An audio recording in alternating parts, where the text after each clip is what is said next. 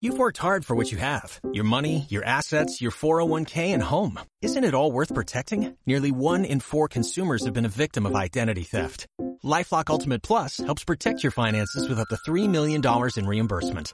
LifeLock alerts you to identity threats you might miss. And if your identity is stolen, your dedicated US-based restoration specialist will work to fix it. Let LifeLock help protect what you've worked so hard for. Save 25% off your first year on LifeLock Ultimate Plus at LifeLock.com slash aware. Terms apply.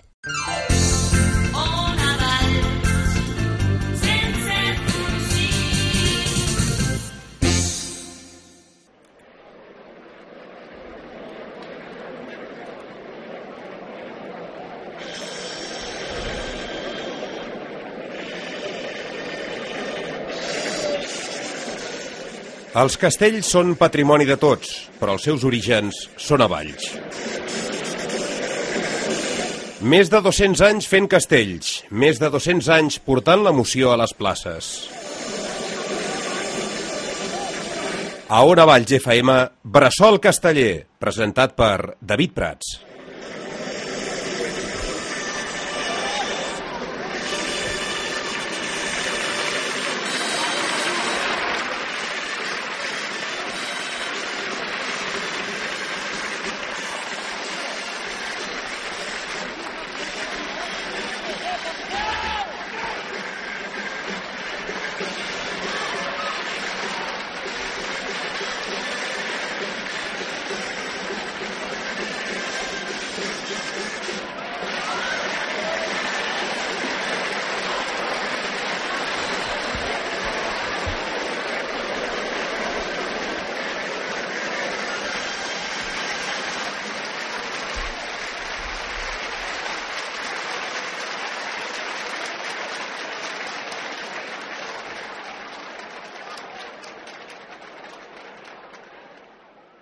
Molt bon dia i benvinguts a una nova edició del Bressol Casteller de Navall GFM. Avui és dilluns 16 d'abril del 2012 i tenim preparats els següents continguts. Com sempre, us ho avancem en tot en els titulars de la jornada.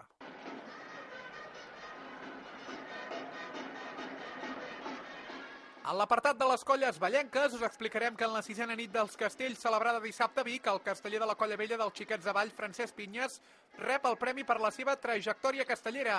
Parlarem amb ell i ens explicarà les seves sensacions del que significa aquest guardó. Una nit on també van ser guardonats la Societat Recreativa Bisbalenca de la Bisbal del Penedès i l'escriptor Josep Maria Espinàs.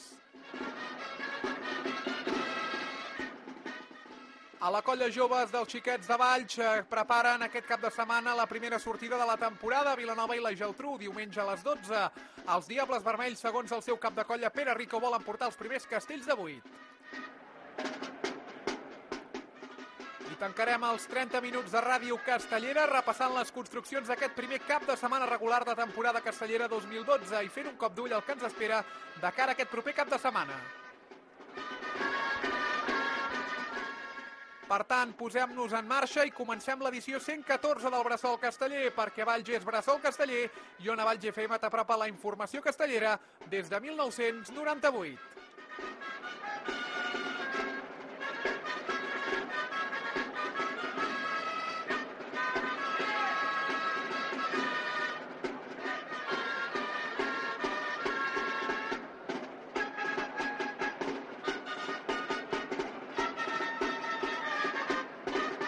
Vols estar al dia de l'actualitat castellera?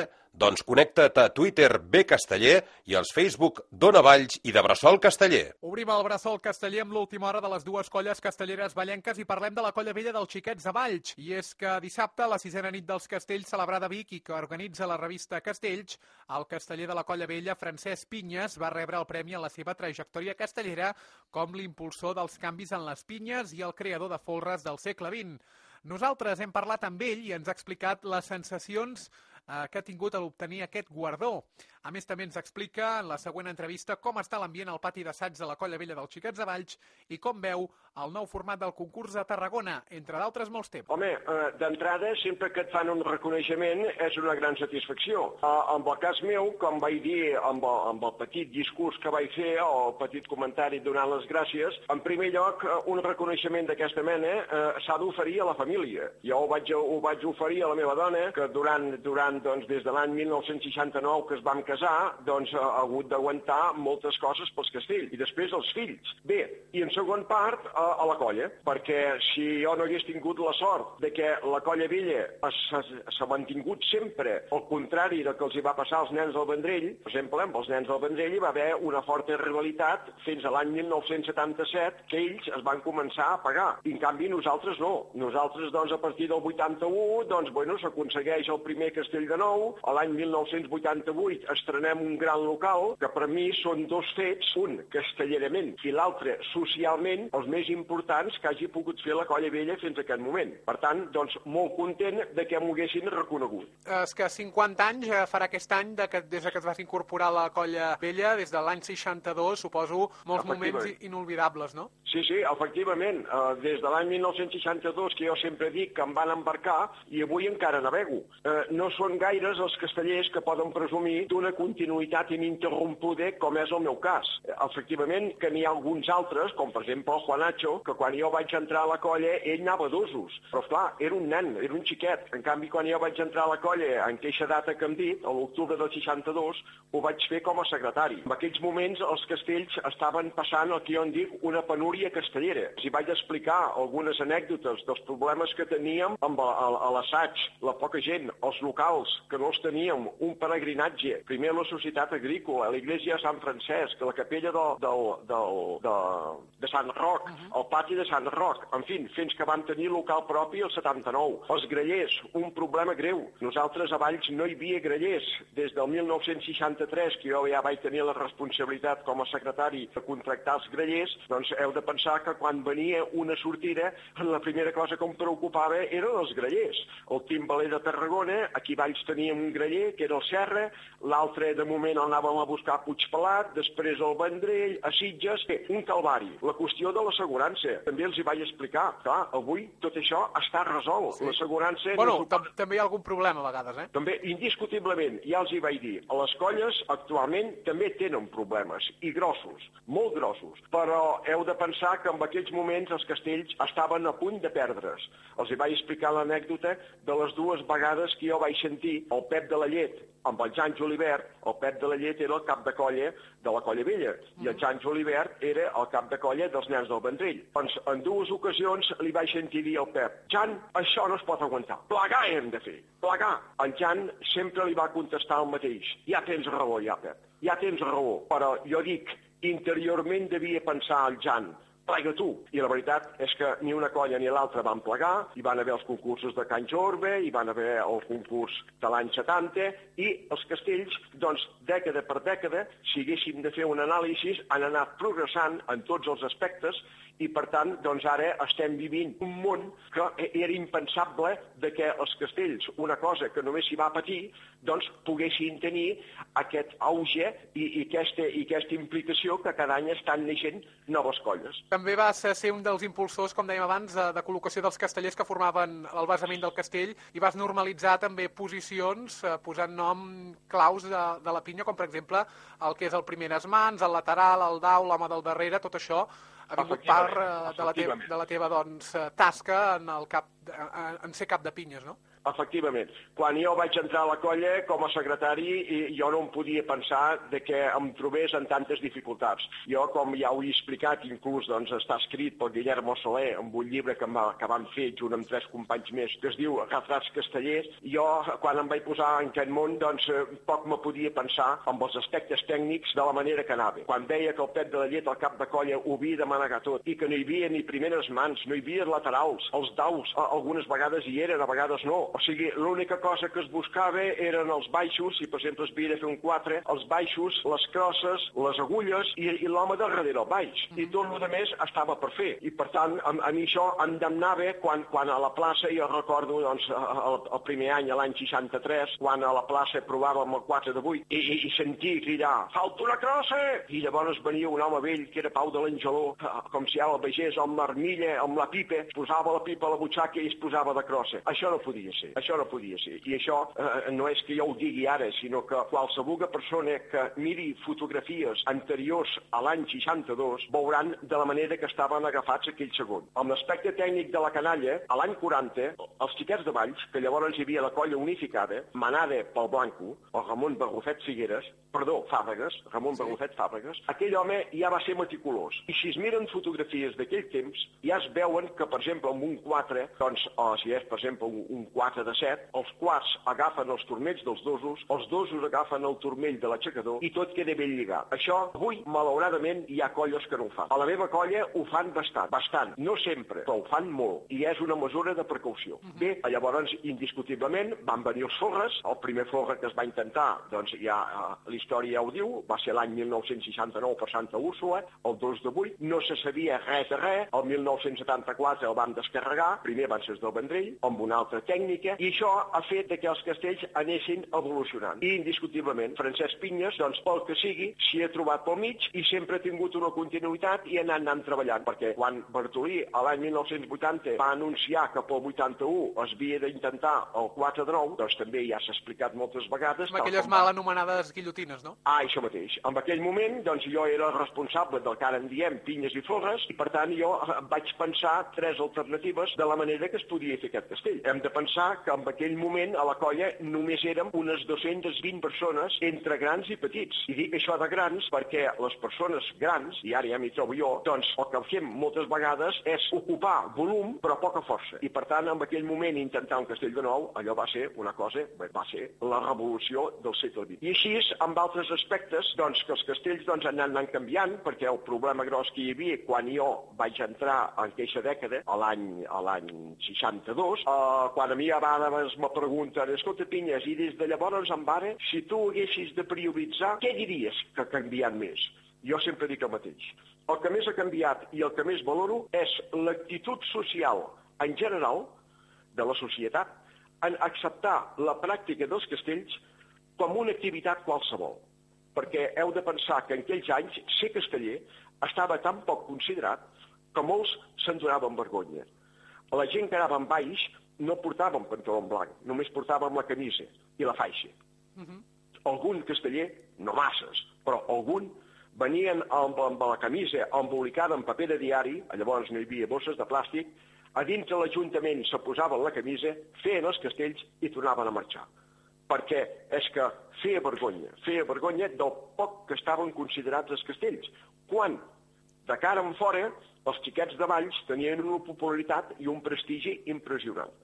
I bé, tot això doncs, es va poder anar anant corregint, no pas avui per demà, primer s'hi van integrar, i això ja va ser un gran salt, persones amb carrera universitària. Nosaltres, per exemple, a la Colla Vella, el primer va ser Joan Maria Guinovar Llagostera, arquitecte, naturalment fill de casteller, uh -huh. son pare era casteller.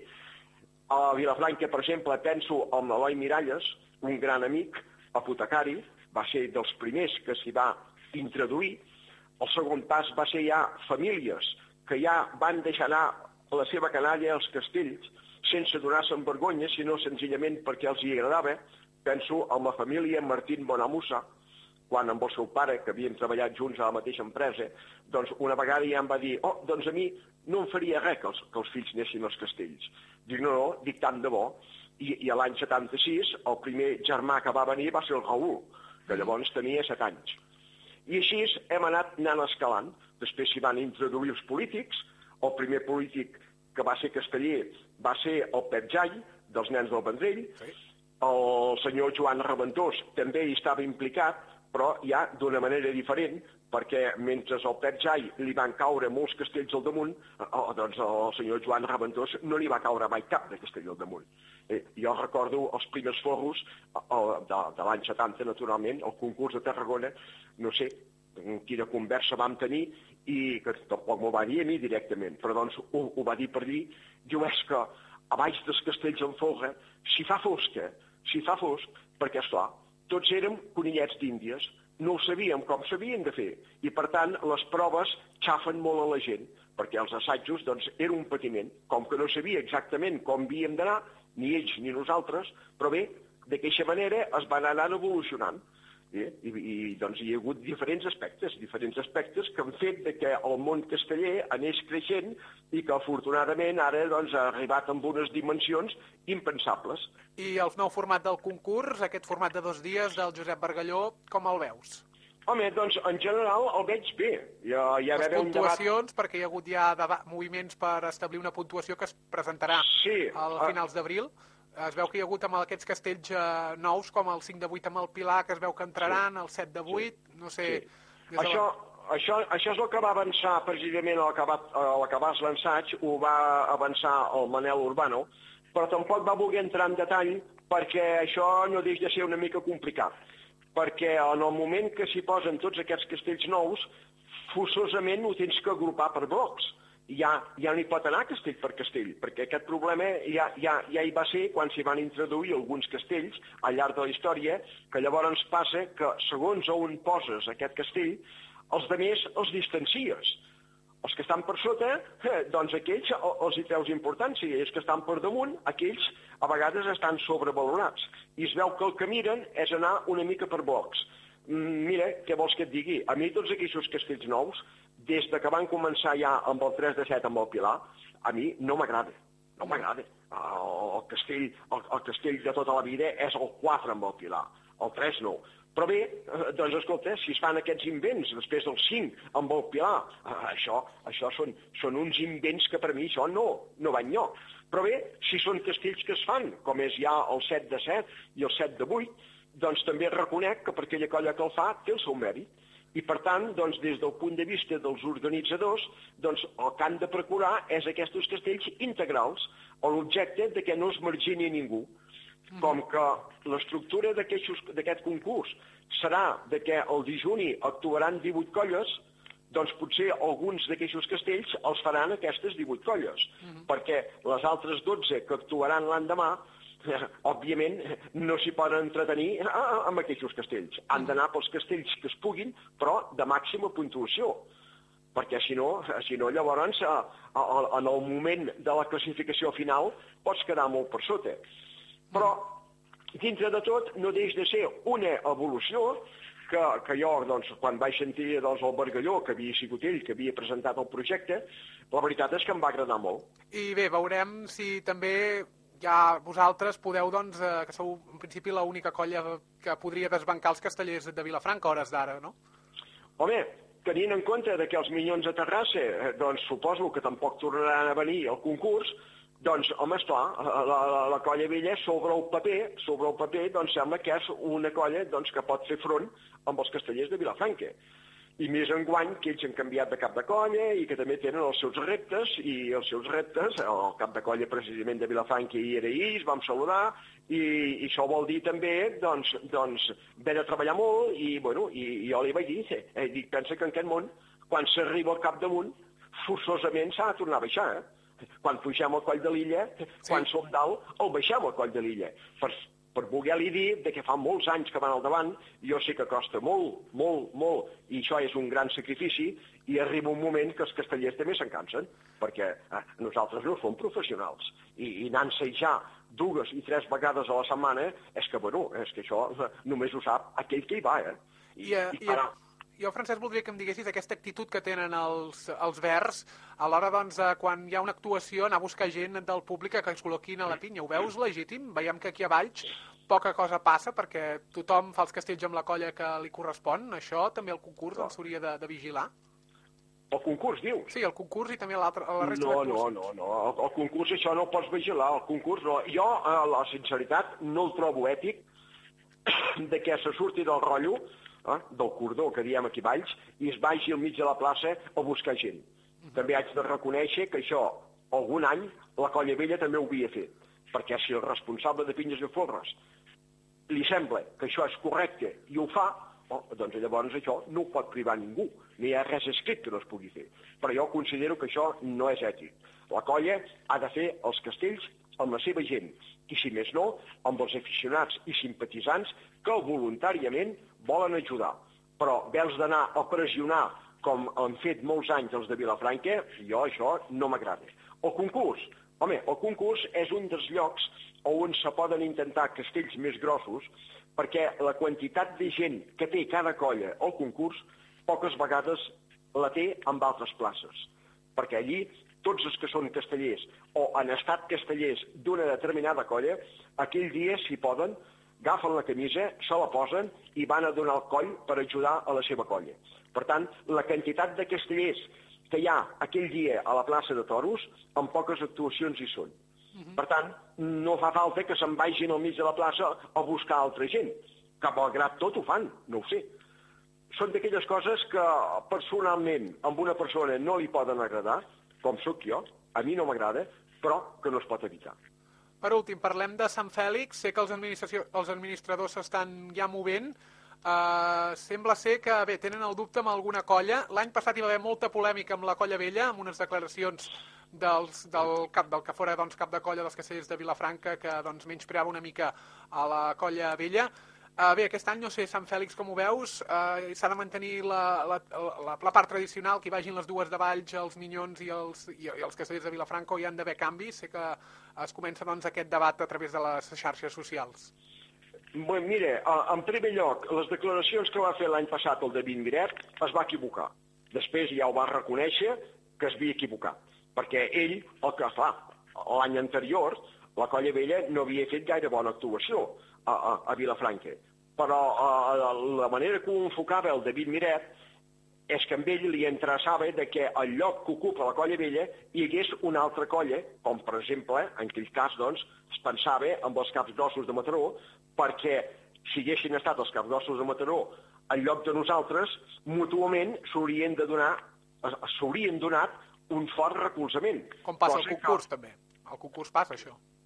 No, no, sí, però ara parlo de la sí, plaça sí. de Vilafranca, sí, del sí. dia de Sant Fèlix. Uh -huh. cosa, cosa que nosaltres quedem sols com la una, la colla vella, la colla joves sempre té avantatge perquè tenen els minyons a Terrassa al costat i segons se pot veure per les fotografies s'ajuden, res a dir, i, i per tant, els castellers de Vilafranca doncs, els hi hauria anat més bé que per comptes de nosaltres hi hagués hagut els caps grossos de Mataró. En fi, això ja està passat. En aquells moments el David Miret després ho va reconèixer, que es havia equivocat i que això no ho hauria hagut de dir. Enguany, enguany jo no voldria ser a la pell dels administradors, perquè els administradors són els que organitzen la festa major. Jo sempre dic de que les colles de Valls, que no les perdin de vista, perquè han fet molt els xiquets de Valls han fet molt a la plaça de Vilafranca. I la colla joves, que potser l'any passat va quedar doncs, amb més mal lloc, no tan sols a l'actuació de Sant Fèlix, sinó al llarg de tota la temporada, que no perdin de vista de que la colla joves hi ha fet uns grans castells a Vilafranca. Eh? Uns grans castells. Ara bé, clar, això és fruit del passat. Si quan és l'hora de contractar hi ha pressions amb el sentit de dir, home, és que, és que la colla joves, eh, o inclús la colla vella, no, no, escolta, avui dia hi ha altres colles que, que fan millors castells. Bueno, eh, jo parlo de la meva colla. De la meva colla jo estic tranquil. La meva colla l'any passat va fer una bona temporada, mm -hmm. i sobretot per Santa Úrsula, que va descarregar el 5 de 9. Per tant, jo estic segur de que amb la colla vella no n'hi ha d'haver cap de problema. Altra cosa és que es discuteixi el preu. Això ha estat sempre. En quant a la colla joves, home, doncs, eh, no sé què dir. No sé què dir. En aquests moments, eh, en aquests moments, doncs, potser sí, que alguna colla de Tarragona està en millors condicions, però mai de remetre el que he dit abans. Els xiquets de Valls són els xiquets de Valls, la colla joves és una colla que ho ha donat tot, i no sé.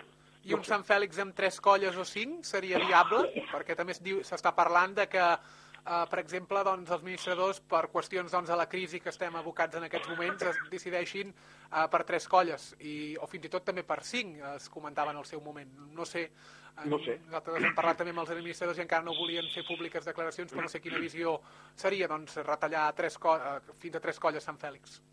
Jo la veritat, David, és que sobre aquest tema sé que es van nomenar els administradors, en cert moment vaig preguntar com estaven i, van dir que no, que encara no es pronunciat, que ells feien les seves gestions, i per tant, per tant jo no sé, al final, si quedaran en tres colles només, o li tornaran a haver quatre, com hi ha hagut aquests últims anys, doncs no ho sé, no ho sé, no ho sé. Ja et dic, jo no voldria ser el seu lloc, perquè ho facin com ho facin, seran criticats. Moltes felicitats per aquest premi des d'Ona Valls, al Francesc Pinyes i a la Colla Vella dels Xiquets de Valls. Hem de fer esment que també van ser guardonats els membres de la Comissió Castellera de la Societat Recreativa Bisbalenca de la Bisbal del Penedès i a l'escriptor Josep Maria Espinàs, que va ser nomenat ambaixador del 2011 a causa del discurs que va pronunciar en el simposi casteller de les festes de la Mare de Déu de la Candela de, que es van celebrar a la ciutat de Valls l'any passat. Per tant, moltes felicitats a tots, tres, a tots tres i també a la revista Castells per impulsar ja la sisena nit eh, de Castells, poca broma, la sisena nit de Castells, eh, que doncs, cada any es fa a una ciutat diferent. Recordem que l'any 2008 es va fer aquí a la nostra ciutat. De l'actualitat de la Colla Vella passem a l'actualitat de la Colla Joves. Diumenge a les 12 del migdia, la Colla Joves Xiquets de Valls enceta temporada Vilanova i la Geltrú a la tradicional Diada de Sant Jordi.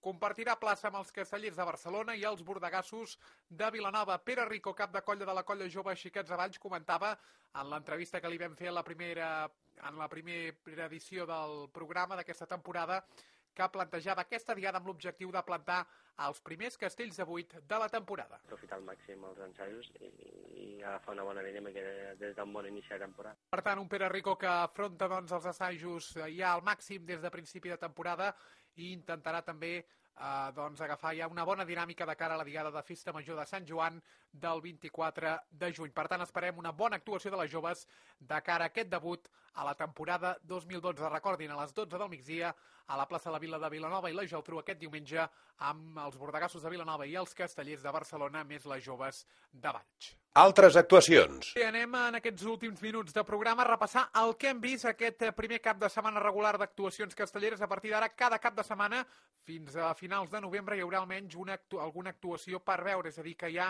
eh, comença el que és la temporada castellera després del mes de març, una mica de pretemporada, on també hem vist, atenció, quatres de vuit eh, de colles importants, com per exemple els castellers de Barcelona.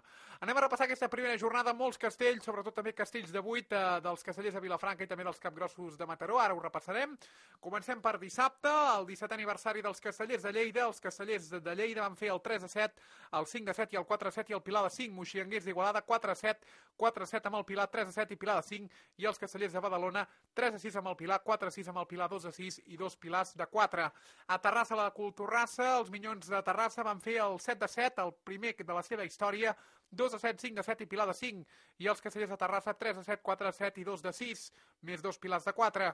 A la festa de la primavera de Cornellà, els castellers de Cornellà van fer el 3 a 6, el 4 a 6 amb el Pilar, el 3 a 6 amb el Pilar i dos Pilars de 4. Els castellers de Caldes de Montbui, 3 a 6, 2 a 6, 3 a 6 amb el Pilar i Pilar de 4. I els castellers d'Esplugues, 3 a 7, 4 a 7 amb el Pilar, 4 a 7 i Pilar de 5. Anem a diumenge, a la dia dels antics trofeus de Can Jorba, a l'Avinguda del Portal de l'Àngel, Castellers de Sabadell, intent de 4 a 8, 3 a 7, 4 a 7, 4 a 7 amb el Pilar i Pilar de 5, Castellers de Barcelona, 2 a 7, 4 de 8, 5 de 7 i 2 Pilars de 5, Minyons de Terrassa, 3 de 8, 4 de 8, 2 de 7 i Bano de 5. A Mallorca, la Diada de l'Àngel, Castellers de Mallorca, intent desmuntat de 3 a 7, 3 a 7, 4 a 7, 3 a 7 amb el Pilar i 2 Pilars de 5, a l'Ots de Llevant, 3 a 7, 4 a 7, 2 a 6, Pilar de 5, Xicots de Vilafranca, 5 de 7, 4 a 7 amb el Pilar, 3 a 7, Pilar de 5. A Mataró, la cinquena festa del local dels Capgrossos, Capgrossos de Mataró, 5 de 7, intent desmuntat de 4 a 8, 4 a 8, 2 a 7 i Pilar de 5. A Sant Jordi, a la prèvia de Sant Jordi a Vilanova i la Geltrú, Bordegassos de Vilanova, 4 a 7, 5 de 7, 3 a 7, Pilar de 5. Nens del Vendrell, dos intents desmuntats de 3 a 7, 4 a 7, 4 a 7 amb el Pilar, Pilar de 5. Castellers de Sant Cugat, 3 a 7, 4 a 7, intent desmuntat de 2 a 7 i 2 de 7. El 16è aniversari dels Marrecs de Sal, els Marrecs de Sal, 3 a 7, 5 de 7, 4 a 7. Margeners de Guissona, 3 a 7, 3 a 6 amb el Pilar i 2 de 6 i Pilar de 4. Uh, pel que fa a la dia d'inici de temporada, els xiquets de Tarragona, els xiquets de Tarragona, 5 de 7, 4 a 7 amb el Pilar, 3 a 7, Pilar uh, de 5. Els xiquets de Reus, 4 a 7 amb el Pilar, 5 de 7, 3 a 7, Pilar de 5. A Sants, la diada d'abril, els castellers de Sants, 3 a 7 aixecat per sota, 5 de 7, 3 a 7, Bano de 5. Castellers al Poble Sec, 3 a 7, 4 a 7, 5 de 6, Pilar de 5 aixecat per sota i els Sacals de Zona 5 de 7, 3 a 7 aixecat per sota, 4 a 7 i 4 Pilars de 4. Al Tibidabo, Barcelona, la primera trobada castellera al parc d'atraccions del Tibidabo, si ho hem pogut veure, els castellers de Vilafranca fent el 2 de 7, 7 de 7, 4 de 8 i Vano de 5, i els castellers de la Vila Gràcia 4 de 7 amb el Pilar, 5 de 7, 4 de 7 i Pilar de 5. A més, hi han actuat també castellers de la Sagrada Família, Colla Castellers de Figueres, castellers de Barcelona, castellers de les Roquetes, castellers de Cerdanyola i castellers de Rubí amb altres construccions que poden consultar a internet. També hi ha hagut actuació a Collbaix a Manresa, amb diferents pilars dels Tirallongues de Manresa i la pujada dels castellers de Solsona a Montserrat, amb diferents pilars i castells de 6. L'agenda. Ens esgota el temps després de repassar les altres actuacions. A l'agenda hem de destacar l'actuació més important del cap de setmana que ve serà diumenge a les 12 del migdia a la plaça de la Vila de Vilanova i la Geltrú amb les joves de Valls, els castellers de Barcelona i els bordegassos de Vilanova. I altres actuacions poden consultar a la web de la coordinadora de colles castelleres de Catalunya. Per la nostra part, res més. Ens retrobem dilluns de la setmana que ve, dia de Sant Jordi, 23 d'abril, amb el repàs d'aquestes actuacions corresponents a la festivitat del llibre, on hi haurà moltíssimes, pràcticament totes les colles hi actuen. La reposició del programa la poden escoltar divendres a partir de la una del migdia. Gràcies per la seva atenció. Ens retrobem dilluns. Que passin una bona setmana. Com sempre dic, a Valls és Bressol Casteller i on a Valls FM de prop a la informació castellera des de 1998. Bressol Casteller.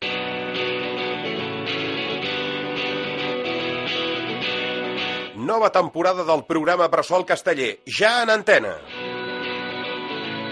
Els dilluns a les 12 del migdia i els divendres a la 1 de la tarda. Bressol Casteller, a una Valls FM, amb David Prats.